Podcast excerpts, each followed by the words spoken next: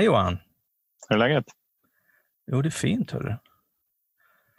Sitter i hemmastudion och eh, ja, känner mig ganska avslappnad efter ett väldigt, väldigt lugnt och kort löppass.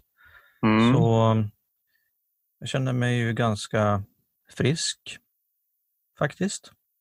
Och, Härligt. eh, det är ju söndag när vi spelar in det här. Helgen har varit lugn och skön. Ehm, det börjar bli vår. Jenny mår bättre. Det känns ju som att eh, det är på rätt väg i alla fall. Mm. Själv då? Alltså det är ju eh, väldigt fascinerande för att jag har ju också varit ute och sprungit idag nämligen. Mhm. Och ehm, försöker ju att eh, återstarta någon form av, det är väl inte en löparkarriär, men alla mina tidigare löparkarriärer de har alltid avslutats ganska abrupt med att jag blir skadad. Mm. Så jag tänker att den här gången ska det inte bbli så. Eh, vi får väl se. Gör du Eh. någonting annorlunda för att få ett annat resultat då? Alltså man skulle kunna tänka det. Ju. Eh, Men jag tror att nu har det blivit lite självsanerande eftersom jag inte hinner springa lika ofta Ah, okay. jag gör. Men förra gången det begav sig så satte jag en regel att jag inte fick springa. Eh, Jag var tvungen att ha minst en dags vila mellan mm. passen. Men jag tror också att det handlar någonting om eh, hur snabbt jag går upp i tempo. Det är, liksom det, det som knäcker mig. Jag tror att jag blir så taggad på att bli klar. Just det, du kan ju inte göra någonting under en längre period. Typ. Nej, men alltså det, det är någon slags skada jag har i alla fall. Du måste ju bli klar. Ja, jag, jag, jag vill, Nå jag ditt vill mål. Ja, precis. Mm. Nå, nå målet och så här, om jag kan göra det snabbare än vad jag hade tänkt får jag en massa bonustid Mm. som jag inte vet vad jag ska göra av. Men, men det känns lyxigt i alla fall. Mm. Så- Ja, spännande. Det, ja, jag behöver verkligen hålla koll på den där den tankegången. Eh, Jag men so har ju- far so good. Ja, jag har om vi nu ska fortsätta köra lite liknelser med eh, tillfrisknande och löpning så har ju jag jag har ju, jag har ju själv kapitulerat inför att jag inte kan eh, hjälpa mig själv. Nej, just det. Det är ju klart. litar ju då på att det finns eh, massa kloka människor som vet hur det här ska fungera, som har gjort program. Ja. jag, hur jag borde kunna bygga upp en, en, eh, ja, men en långsiktig sund eh, löpning. Så att, eh, men det är ju svårt. Jag vill ju göra det på mitt eget sätt förstås. Ja, det är klart. Just det där eh, när, när man, har ett program eh, som man ska springa efter. Ja, fast jag är, jag är nog starkare än genomsnittet. Så, att, så, så för mig, här, här det, det där behöver inte jag rätta mig riktigt efter. Utan Nej. jag kan, jag kan trycka på lite. Och så får jag konsekvenserna. Eh, men ja, Varför tror du att det är så svårt att eh, underkasta sig ett, ett annat program än ett, än ett tolvstegsprogram på det sättet? Konsekvenserna kommer ju som du vet. ja, ja absolut. Nej, men, du, och det- skiter, du skiter i det ändå. Nej, men jag, jag tänker ju verkligen, alltså det, är- det är så, liksom ett, ett sånt beroendetänk. I Mm. att så här, det, det blir nog inte så den här gången. Den här gången är annorlunda. Ja. Eh, och Jag kan ju peka på massa olika faktorer till varför det skulle bli annorlunda. Till exempel, nu har jag ju vilat i liksom x månader eller nu, nu väger jag ju så här mycket eller nu har jag andra skor.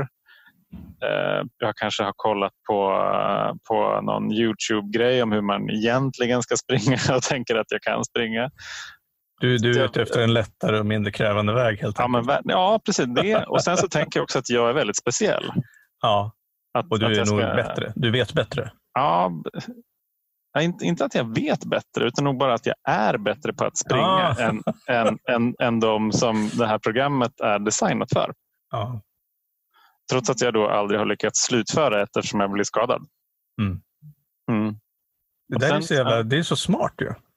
För att eh, det kan tyckas löjligt, kanske för er som lyssnar, att vi sitter och pratar om löpning här, men just det vi är inne på nu, tänkandet och processen och, och förnekelsen kring att andra faktiskt kan hjälpa en, är ju Mm. väldigt målande för hur, hur vi var och ibland är, både som Mm. aktiva och eh, tillfrisknande alkoholister. Mm. Ja, det finns ju väldigt många likheter måste jag säga. Ja. För det är ju, det är ju ett enkelt program. Mm.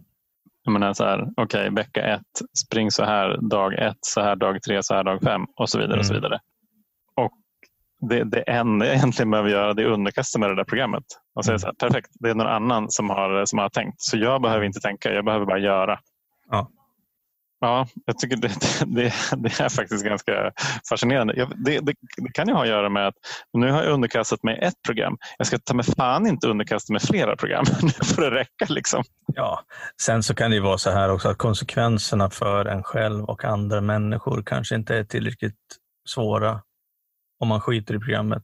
Ja visst, du kanske drar en gubbvad eller mm. får ont i ljumsken eller i knät eller vad det kan vara, måste vila, det vill säga att sitta hemma och umgås med din familj och titta på Netflix istället. Mm. Nej, precis. Men jag kommer aldrig, de kommer aldrig skriva om mig i Runners World. Som Nej, det är sant. har varit en, en målsättning. oh. Men du, på tal om det så har vi, ska vi prata lite grann om ansvar och eh, ja, åtaganden och prioriteringar idag. Ja, jag tänkte vi skulle göra det. Mm. Och det, det, är någonting som har, eh, som har eh, liksom guppat upp och ner i mitt medvetande här de senaste ja, men två veckorna kanske. Mm. Och, och det började med att det var liksom på ett ganska roligt sätt egentligen. Att det är, det är mycket olika spännande projekt som, eh, som händer runt omkring mig. Och så är det många som har hört av sig och eh, säger så här, hej, har du lust att vara med på det här? Vi ska göra det här. Och då har jag, eh, väldigt stolt över det här faktiskt, då, då har jag till, eh, eh, till de här projekten och de här personerna sagt nej. Oj! Ja, verkligen. Det har, jag, det har varit en sån jättestor eh, grej eh, för mig att jag har extremt svårt att säga nej till saker. Speciellt sånt som, som jag tycker verkar kul och eh, när det är personer som jag gillar. Och mm. Speciellt när det är personer som jag vill ska gilla mig också. ja, jag fattar. Att, eh, ja, jag, har liksom, jag har tidigare haft väldigt svårt eh, att hantera de, liksom de, de, potentiella konsekvenserna som det där skulle kunna innebära.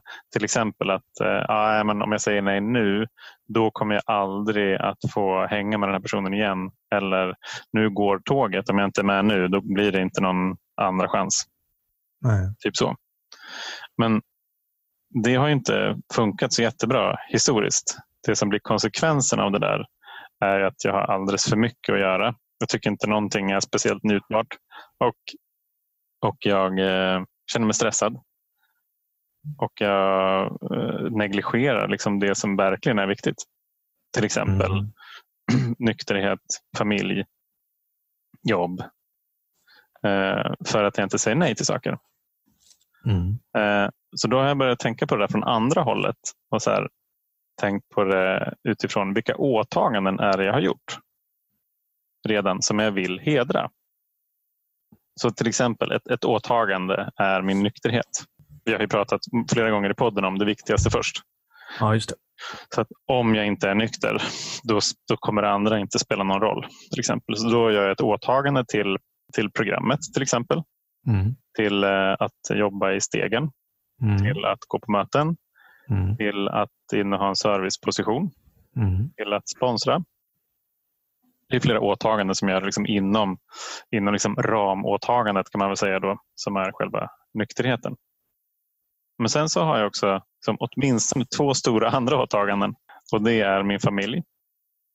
Josefina, Elma och Gustav ett, liksom ett, del, ett väldigt stort delåtagande i det där. Det är ju liksom när jag och Josefina gifte oss. Det är ju på något vis ett av de yttersta åtagandena man kan göra. Och, eh, och sen såklart liksom allt, med allt vad det innebär att bli förälder. Mm. Eh, också ett åtagande. Och sen så eh, har jag min, min roll och mitt ansvar på KDL. Där jag jobbar. Så liksom jag, ser, jag ser det där som så här, tre, tre stora stenar som jag liksom lägger i en hink och de ligger där. Och liksom allt annat eh, behöver förhålla sig till det. Jag kan inte, jag kan inte skarva någonting eh, utifrån de åtaganden som ligger. Eller kan, kan jag, men jag vill inte. Jag vill, Hur kom du fram till det? Eh, nej, men för att jag har testat och gjort det på, på ett annat sätt och fått konsekvenserna av det. Mm. När, jag, när jag känner liksom att jag inte är en bra, bra make till exempel eller inte en bra vän eller att jag eh, inte går på tillräckligt många möten. Jag kan känna av det liksom i den andliga spänsten. Eh, känner att jag hela tiden liksom har, liksom ligger efter på jobbet till exempel. För att jag eh, tillåter andra saker att gå före som jag kanske inte borde. Ja, men det där är ju, höll på att säga, inga nyheter. Eller, för så där har du säkert... Det jag funderar på det är så här, vad, vad tror du det är som har fått dig att faktiskt fatta sunda beslut kring åtaganden nu för tiden? Jag tror en sak som är en stor skillnad, det är hur jag har tänkt på frihet. Mm. Eh, tidigare så tänkte jag på åtaganden som jävligt jobbigt. Jag vill ha så få åtaganden som möjligt. För okay. att det var, en, eh, det var en ganska härlig frihetskänsla. Jag hade inte lovat eh, något till någon. Och eh, ja, Det var liksom det som var min definition någonstans av ett, av ett fritt liv. Någonting som var värt att sträva efter att uppnå. En um, isolerad ö, en självcentrerad uh, vinkel, ja. um, en Johan utan som inte behöver hjälpa någon. Ja, men så här, no inte strings inte behöver, Ja, precis. Som inte behöver lova någonting. Exakt. Mm. Och, och så här, Frikopplad lite grann. Ja, men exakt. Precis. Frikopplad lika med frihet. Ja. Eh, men det, det, det, är väl ett av de stora paradigmskiftena i nykterheten tycker jag. Att ansvar istället har blivit lika med frihet. Liksom det jag väljer att ta ansvar för. I det blir jag fri. Mm. Och eh, nykterheten är ju en ett av de bästa exemplen på det. Om jag tar ansvar för att sätta det viktigaste först så får jag ett eh, fint liv. Det jag kommer att tänka på nu det, det är det är ju så roligt, vi, har ju pratat om det förut, att jag får ju såna hang-ups på lite texter. Men det, men det är det här liksom att den här texten som jag brukar säga, alltså, några av oss försökte hålla kvar vid våra gamla föreställningar och resultatet var noll. Mm. Och Det som jag är lite sugen på att kanske gräva i, i det här snacket, det är ju så här, vad fan var det, hur gick det till för mig att släppa mina gamla föreställningar och, och liksom få nya föreställningar? Mm. Vad var det som hände egentligen? Och när jag tänker på det spontant så um, så är det så att någonstans så blev jag, eh, någonstans på vägen så blev jag liksom öppen. Alltså öppen, alltså för, öppen för att ta in andra, eh, låt oss kalla det för föreställningar, eller mm. andras eh, syn, eh, värdering, eh, perspektiv, andras take, andras eh, perspektiv, andras take på livet. Mm. Och tänka att oj, fan det där har inte jag tänkt på, det där låter ju jättespännande. Och sen så slår det rot liksom på något vis. Och utan att jag eh, jag vet inte liksom vad, jag vet inte vad det är som händer i min hjärna, men någonstans så börjar ju en process som gör att jag ändrar mina föreställningar. Mm. Och, jag tänker på till exempel det som du är inne på nu, att från att gå, att gå ifrån att tycka att, att vara frikopplad är frihet till att plötsligt, inom citattecken, då, mm. tycka att ansvar är frihet. Vad var det som fick dig liksom att göra den förändringen? Vad såg du, vad hörde du, vad läste du, vem sa något, vad tänkte du, vad kände du? Liksom? Har, du har du funderat på det? Ja, lite grann. Eh, det första kring ansvar, där, att ansvar är lika med frihet, det var en sak som jag fick med mig väldigt tidigt i terapin. Mm. Så det var en sån eh, en gran kanariansk insikt. Men vad tänkte du när du hörde det första gången? När jag hörde det första gången tänkte jag att det var nog dravel. mm. men, eh, men ganska snabbt så insåg jag väl också att ja, fast mitt sätt att tänka på det där har inte funkat så bra. Den, Nej, den, fri, den, den, den, friheten jag har definierat för mig själv, den har ju bara skickat ner mig i ett svart hål. Ja, precis. Och det, det där är ju det, det, är det som jag liksom menar när plötsligt att man känner att man blir öppen Ja, för att ta in andra, andra tankar ja exakt. och andra perspektiv. Mm. Det var ju verkligen inte när jag drack. Jag var ju övertygad om att jag visste det mesta, och kunde det mesta och hade rätt. Liksom. Mm. Ja, precis. Men jag, jag, jag tänker att en viktig aspekt av det där, det är ju så länge jag kan skylla på någon annan så blir jag inte öppen för andras perspektiv. Så har det funkat för mig i alla fall. Så länge jag kan, alltså jag, jag skyllde ju på att, eh, på att jobbet var si och så. Mm. Och det var därför jag mådde som jag mådde och det var därför jag, jag i princip var tvungen att dricka som jag drack. det, var, det, var liksom, det var mitt förbannade ansvar Mm. att, eh, att, att hantera situationen. Eh, och eh, allt, allt var jobbets fel. Mm. Jag menar, om jag tror att det är så, om jag är, om jag är liksom övertygad om den föreställningen, då behöver jag inte vara öppen för någonting annat. Nej. Så att det, är liksom, det är också när jag, när jag får hjälp. För det, jag tror att det är sjukt svårt att kläcka det där själv. Ja. Jag, jag tror att jag behöver någon annans perspektiv från något håll som, som ger mig en vinkel som jag inte har sett. Typ så här, Precis. så tänk, tänk om det inte är så. Nej. Och Jag tänker så här att, att eh, till skillnad då från eh, hur vi tänker som löpare, Mm. så jag tänker så här att när jag väl erkände att jag var alkoholist och att mitt liv var ohanterligt och att jag köpte att jag var som alla andra i den här eh, gemenskapen Mm. som hade fått hjälp genom de här, läsa den här stora boken som vi kallar den och lite andra texter och, och följa det här programmet. Där någonstans så fanns det en nyckel i att, att hitta, för det, det finns ju väldigt mycket beskrivningar av hur en alkoholist är och vad vi kan göra för att tillfriskna. Och där han, finns ju väldigt mycket om att liksom öppenhet till exempel, att vara öppen och ärlig och, och ta emot hjälp. Och Jag tänker så när jag väl köpte att det här, jag tog det här som en sanning. Det blev en ny föreställning. Mm. Jag blev övertygad om att jag är alkoholist. Då kunde jag börja släppa in också. Just det. Och så länge jag, jag tänker, för så länge jag inte vet om eller förnekar eller inte köper att jag är en alkoholist, då så förblir jag ju stängd, tänker jag. Mm. Mer eller mindre. Och det är först då när jag har erkänt liksom att, att, jag, att jag har ett problem och erkänt också att, att oj, jag är, det finns andra som jag och det finns en lösning som verkar funka. Mm. Jag köper den. Då, då kan jag ju börja göra förändringar. Mm. Ja, precis. Och det var ju det som, om man, om man tar utifrån problemformuleringen då, så var ju den problemformuleringen jag hade var att jobbet är problemet. End av formulering. Men när jag väl började inse att det kanske inte är jobbet eller någonting annat utanför mig som är problemet. Det kanske är jag som är problemet. Det är ju ett jättestort skifte.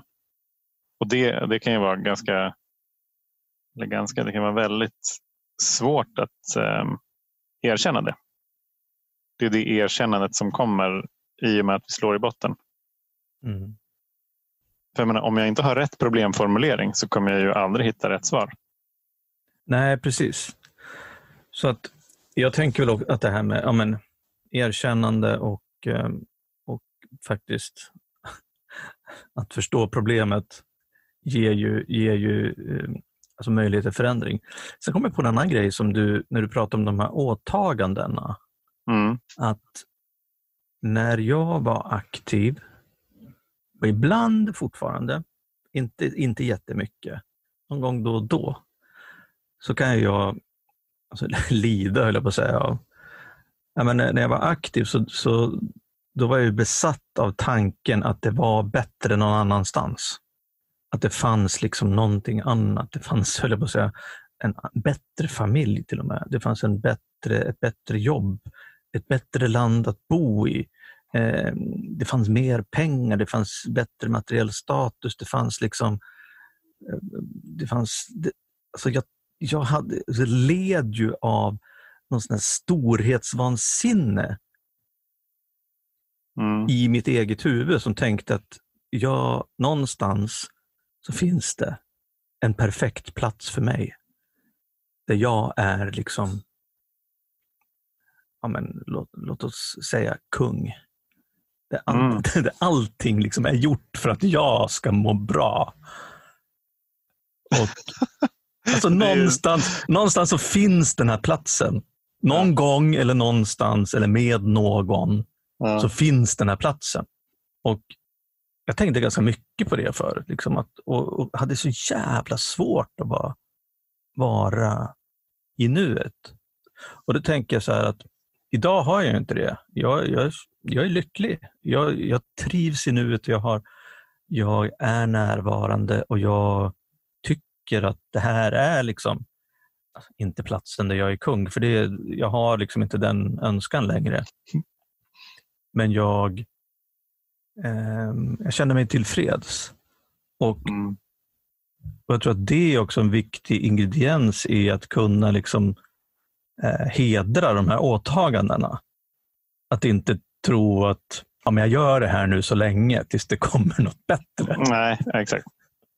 Det är väl ett ganska ett angreppssätt på att ta ansvar för åtagandena som inte funkar så bra tror jag inte. Nej. Jag, kan, jag har nog inte tänkt på det liksom precis på samma sätt men, men någonstans liknande. Att, att det finns jag har, jag har tänkt på det mycket utifrån så här, ja, men ba, bara det händer så blir allt mm. bra. Mm. Eh, och det var inte så tydligt vad det där bara det, vad det är för någonting. Och, och varför det skulle vara logiskt att allt blir bra. Bara det Precis. händer. Alltså det, det, det, var ju inte en föreställning som jag vågade utmana alls. Eller vågade, jag gjorde det inte. Jag hade inte ens en tanke på att utmana den. Eh, och det var någonstans... Jag, jag, jag, tänker att det där är liksom ett, ett hopp också. Att här, just, just nu mår jag inte bra. Men det, det, finns ett läge där jag kan må så mycket bättre än vad jag gör nu. Så att mm. det, Även fast vägen dit kanske kan vara kantad av eh, dysfunktionella tankar. så, så här på något vis så här på något vis liksom strävan eller så här, hoppet i sig är ju inte fel. Nej, å ena sidan. Å andra sidan, som vi har pratat om, så kanske hoppet byggde på att någonting annat skulle förändras. Ja, ja, ja precis. Och sen så när, när jag kom på att det var jag som skulle förändras så blir det mycket enklare såklart. Ja, exakt. exakt. Vi, vi, vi fattar ju inte att vi kunde göra förändringen i oss själva. Nej. Att kanske ändra våra föreställningar slash värderingar. Så mår vi plötsligt bättre. Nej, precis. Men, men det blir ju svårt att göra det om allt är någon annans eller något annats fel. Ja. Det är ganska... Jag, jag tycker det där är så jävla intressant egentligen. Alltså, för mm. att det, liksom, i, I de sammanhangen så kommer man lätt upp så här, prata ego till exempel. Mm. Så här, men vad är det för jävla ego då? Som inte tar hand om mig för fem öre. att det är inte det där som jag mår bra av ändå. Nej. Det är klart att jag under mina liksom tio aktiva år på slutet inte mådde dåligt jämt. Och Det var inte bara när jag drack som jag mådde bra. Så jag hade ändå datapunkter på att jag kunde må bra när jag inte drack. Mm. Till exempel, jag kunde säkert känna sinnesro när jag var med Josefina och liksom vi pratade och liksom bara fick umgås med varandra. Ja. Så att jag har ju, liksom, har ju den erfarenheten av att det, det finns någonting som, som gör att jag kan må bra som, som, som kommer inifrån. Ja, Men det var ja, nog bara att jag, liksom, att jag glömde bort det väldigt snabbt. Och Jag vill ju poängtera också att bara för att jag kanske tänkte så här när jag var aktiv så betydde inte det att jag hade det dåligt på något sätt. Mm. Jag hade, har, hade en jättefin familj, ett jättebra jobb. Liksom. Inte alls dåligt materiell status. Liksom, så, så det var inte så att jag levde i någon typ av misär. Men ändå. Mm. Det kanske det, fanns en, liksom en våning att, till. Liksom. Var det för att, till. för att du tänkte att du var värd mer? Det där borde kanske någon som kan sånt där analysera, men jag tänkte nog att jag var värd mer. Jag tänkte ibland att livet var orättvist. Jag var avundsjuk på folk som kanske lyckades materiellt bättre än jag. Mm. Um, jag förstod inte folk som kunde vara så glada och positiva hela tiden. Alltså, eh, det måste vara jättejobbigt att vara så glad och positiv. Alltså jag, eh, jag var väldigt, väldigt självcentrerad, men det var inte, det var inte så att jag inte alltid synd om mig heller. Ibland mm. kunde jag ju, liksom, precis som du är inne på, ibland kunde jag ju uppleva väldigt, väldigt fina stunder också. Och alltså generellt sett under, under det var väl kanske bara för mig på riktigt, liksom, ja, jag, jag har svårt att komma ihåg, men alltså, det, vi pratar om några år på slutet, liksom, en handfull mm. år, då det liksom då jag verkligen på något vis försökte dricka mig bort ifrån mig själv och uh, mitt liv. Liksom. Mm.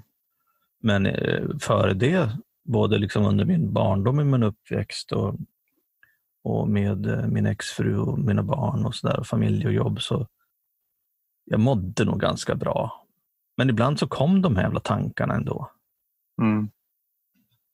Och det gjorde ju liksom att det var just det där och det är därför jag tycker det är så jävla intressant också, det som du pratar om, vilket jag kan känna igen mig i. Att värdesätta det jag har, eller det du har, istället för att tycka att det som du inte har är värt mer. Mm. Det vill mm. säga säga ja till saker som verkar, verkar bra istället för att ta hand om det som jag har. Och söka liksom nya utmaningar, eh, nya sammanhang bara för att det är kanske bättre än det jag har. Mm. Och Det är därför det är så fint tycker jag också att höra dig liksom prata om det här med, med åtaganden som jag känner igen. Liksom, ja, nykterhet, familj, jobb. Mm. Och Sen är det också en, jag vet inte, alltså jag kan fortfarande lida av, låt oss kalla det för skev lojalitet. Mm. Vad är det här för koncept? Nej, men skev lojalitet det handlar om att, man, att jag, det är lättare kanske att vara lojal mot människor som jag egentligen, eller, och sammanhang som jag egentligen kanske har mindre, ett mindre åtagande gentemot. Ett exempel. Mm. Um, det är baseballsäsong. Um, det ringer någon som säger att det saknas en domare på lördag för att um, någon har blivit sjuk. Min spontana reaktion är att Ja, det är klart att jag ställer upp. Mm. Även om vi kanske skulle iväg på en picknick eller någonting eller bara skulle ha egen tid, jag och Jenny. Eller jag skulle träffa någon. Bara för att jag tycker att, att på något vis, det är precis det du är inne på, det här med åtaganden. Men mm. jag tycker att men jag kan inte säga nej till dem, det vore ju så taskigt. Istället så har jag mindre problem att säga nej till eller att välja bort Jenny eller barn. Mm kan vara. För, för att ja, men de, de finns ju där ändå. Liksom. Eller vad det nu är för. Jag, vet, jag, jag tänker ju inte ens, utan jag tycker bara att ja, men du vet, ja, men de, det blir ingen match annars. Och liksom sådär. Liksom som att det sammanhanget, inget ont om baseballsäsongen, alltså baseball Sverige, men det var ett exempel bara. Mm. Inget ont om det, men liksom just att, att jag spontant, intuitivt väljer att tycka att det är viktigare att få någon annan nöjd än kanske både mig själv och de som jag redan har de här starka åtagandena gentemot. Mm, exakt. Och varför det är så, det har jag ingen jävla aning om. Men det har väl förmodligen någonting med självkänsla eh, eh, att göra. Bekräftelse, mm. eh, att vara behövd på ett annat sätt. Liksom. Mm. Att det är kris. eller eller liksom att det är bara du som kan göra det här. Ja, den, den kan jag verkligen relatera till. Va, Får jag gå in och rädda hela situationen? Gud vad härligt. Ja. Det, det, är faktiskt bara jag som, som kan göra det här. Ja, självklart ställer jag upp. Men det finns ju mycket, för mig i alla fall, eh, som är kvar att bearbeta när det handlar om ja, bekräftelse och självkänsla. Eh, osäkerhet kring vad andra människor ska tycka och tänka kring en och sådär. Om en och sådär. Mm. Ja, det, jag tänker att det är nog en livslång process. Det där. Ja, sen så tror jag väl kanske inte att det är bara för att jag är alkoholist som jag lider av det. Jag tror att det finns människor som inte tar till flaskan som också har sådana här tankar. Mm, om att vara behövd. Mm. Ja, precis. En, en, en sak som jag, som jag reflekterade över när du berättade var att om jag hade fått se mig själv för fem år sedan, liksom idag, mm. så hade jag tänkt att så här, vad är det för jävla liv han lever? alltså kom igen. Han liksom sitter och babblar om några jävla åtaganden och ansvar i en, i en podd. Och han, han, han, liksom, han, han har inte ens på, liksom på topp tre-listan att eh, gå ut och festa, resa, eh, hänga med, med coola vänner. Eh, utan det är liksom, där har han så här, nykterhet och familj och jobb. Alltså vad är det för jävla tråkmonster? Ja. Eh, men men det, det, det, är någonting som händer när vi pratar liksom prioriteringar. Så jag vet inte om vi pratat om det här, men så här, om, jag läste någonstans om värdehierarkier. Mm. Och att det, det, är precis det som förändras. Så min, min tidigare värdehierarki så låg, eh, så låg att festa liksom på, på toppen. Och sen, så, och sen så var det kanske eh, status på, på jobbet. Sen så var det att ha, en, att ha en relation och sen så var det att ha många vänner och sen så var det typ resa eller någonting. Och Det som händer när i alla fall jag blev nykter och liksom har jag hört många andra vittna om, liksom, när, när vi blir nyktra så ändras prioriteringarna och som jag ser det då så, så, här, så får jag, en, jag får i princip en ny värdehierarki som också kan, som kan utvecklas under tid såklart. Men där liksom det som var på toppen, det vill säga att festa, det har ju åkt bort. Och när jag börjar liksom rannsaka alla de andra grejerna så säger jag så här, men alltså jag har ju gjort de här liksom för att så här, ett, fly bort från mig själv. Två, för att jag vill ha andras bekräftelse. Tre, för att och så vidare. Och så vidare. Och om jag då vill leva ett nyktert liv även känslomässigt då kan jag inte ha det där liksom på, på det som är prioriterat i livet. Och det, Jag tror att det är därför som det viktigaste först är så viktigt. Mm. För att så här, okay, vi, behöver, vi behöver vrida om och bygga en ny värdehierarki. Uh, starting now. Där är nykterheten uh, på toppen. Och sen så liksom fyll det andra med det som du känner att du vill ha för ett liv med ett nyktert liv med sinnesro. För mig så har det varit familj och jobb. Ja. Jag tänker att eh, för mig, alltså det handlar om det som jag sitter och tänker på när du pratar om, det är liksom att, ja men, jag vet inte, jag tycker att alltså, mina värderingar, att jag har blivit, fått liksom sundare värderingar. Och vad jag nu menar med det, men alltså både känslomässigt och moraliskt och eh, ja, men, eh, i det mesta. Och det tycker jag är, idag så, jag kan liksom jag kan verkligen landa i det och tycka att det är fint och skönt och det är det jag vill. Och, eh, och Sen så tänker jag också att, att ehm, det gör också att jag, att jag blir mer närvarande i, i det som är liksom runt omkring mig i, i de liksom närmaste cirklarna. För att jag var ju ute förut, alltså de närmaste cirklarna, de, de såg inte jag knappt. Jag tog dem för givna mm. och, eh, när jag var aktiv och jag ville liksom bara ut och spinna i de här cirklarna, banorna som var liksom långt ut i, typ i rymden där allting gick fort och var häftigt. Och, och ja, alltså, Det är väl något att hitta en typ av center. Liksom. Mm. Inte att jag är centrum, liksom, men att, att liksom, livet just nu kretsar kring det som är runt omkring mig, vilket är skönt. Mm, ja, precis. Och att tillåta det att kretsa kring det som är närmast. Ja, precis. Att det är viktigt. Ja. Jag kan verkligen känna igen mig i det där att ja, ja, men det, tvärtom förut så var det så att det här är allt jag tar för givet. Mm. Men det är också det, det som är, jag tänker, sitter och tänker på det nu när vi pratar, liksom att även Alkispodden har ju blivit ett åtagande. Mm, absolut. Som har med nykterheten att göra, men också liksom just det där att nå ut och faktiskt liksom att det är, det är människor som lyssnar på det här och uppenbarligen liksom tycker att det är någonting att ha. Och då blir det ett åtagande som jag tycker att eh, jag kan väl ibland, ibland, inte jätteofta, men ibland också vara ganska osugen på att podda. Mm. Men, eh, men jag tycker också att det är ett av de åtaganden som jag idag inte vill tumma på. Mm. Ja, precis, det är samma här. Det är fint tycker jag. Ja, det är fint. För det, det, är väl det som är grejen med ett åtagande, att det är inte någonting som jag gör bara när jag har lust. Nej, precis. Då blir det ju inget åtagande. Mm. Ja, fan vad skönt det var att prata om det här. Vad har vi, vad har vi konstaterat? Att vi har en del åtaganden idag som vi vill eh, hedra. Mm. Och som, är, som du var inne på, som ser helt annorlunda ut än de åtaganden vi hade eller ville ha för fem år sedan i ditt fall. Ja, ja precis.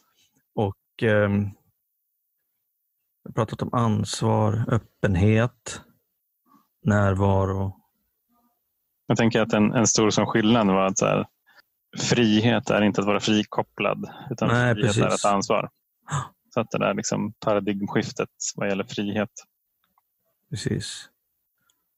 Och att vara, vara närvarande i, i stunden och livet här och nu. Och inte lyssna på den där rösten som säger att Roger, kom hit. Där det är grönare på andra sidan. Var nu det är någonstans. Här finns ja. ett liv för dig. Ja. Här är du kung. Här är du kung. Oj, oj, oj. ja, det är lite obehagligt. Verkligen. Fan, jag kommer drömma mardrömmar om det natt. Ja, jag med tror jag. ja. Ja. men det var härligt att prata om det tycker jag. Ja, det, kändes, det var det. Eh, kändes eh, viktigt. Det, det, blir också liksom mer, ännu mer verkligt och kanske ännu mer viktigt när jag får sätta ord på det. Mm. Allt det här som liksom guppar runt där i medvetandet. Så det var fint. Tack för det. Ja, tack själv. Och um det är jävligt kul också att få reflektera lite grann över hur just skillnaden idag när vi är tillfrisknade alkoholister, nyktra och, eh, och prata och skoja lite grann om hur, hur vi tänkte förut. Mm. Alltså, jag blir så jävla tacksam att jag ändå att jag har kommit dit jag är idag liksom, med, med de eh, värderingshierarkier eh, som jag har idag. Mm. Så jävla skönt. Roger, kom hit. Kan du liksom sätta en så här? Uh, jag har stängt av notifieringar för det där. Stör mig inte, har sinnesro. ja, exakt. Um. En, en, en sak som jag, som jag tänker på som, jag, som vi inte har gjort så mycket, men, men det är um, jag skulle vilja skicka ut ett grattis till, eh, till, eh, till en av våra eh, lyssnare, Eva, som eh, tog eh, sex månader här i, för, någon, för någon dag sedan bara. Ja. Och, eh, hon hörde av sig till, till Alkispodden och var så grymt modig och kom och gick på ett möte tillsammans med oss och har sedan dess varit nykter och eh, gått på möten och allt sånt. Och det var så himla härligt att få det här meddelandet eh, från dig Eva. Så tack så jättemycket för, för det och stort jäkla grattis till ett halvår nykter. Mm. Ja, det är sjukt. Ja. Det är riktigt sjukt. Och eh, tack till alla er andra också såklart som, som hör av er och eh, delar era berättelser. Och, eh, vare sig ni är ehm, eh, kanske aktiva och vill sluta eller är nyktra eller anhöriga. Eller är nyfikna bara på hur fasen det här går till egentligen. Fortsätt ja. skriva. Gör det. Det är, um, det är så härligt att få ta del av era berättelser. Mm. Vi börjar ju tröttna på våra egna nu. ja, något mer? Nej, jag tror inte det för den här gången faktiskt. Ta hand om er där ute. Ja, ta hand om er där ute och så um, får ni ha en fin helg. Mm. Så ja. hörs vi väl. En sak som jag kom att tänka på bara så här häromdagen. Vi släppte ju avsnitt 91 förra mm. veckan. Det här blir ju avsnitt 92. Ja. Fan, det börjar närma sig. Närma sig 100? Ja. Mm. Det är ju helt jävla sjukt. Ja. Så um, vi får väl se vad vi kan ställa till med då. Ja, någonting ska vi kunna göra. Mm. Även i coronatider. Det hoppas jag. Mm. Hörrni, um, ha det så fint där ute. Ja, ha det bra. Bra.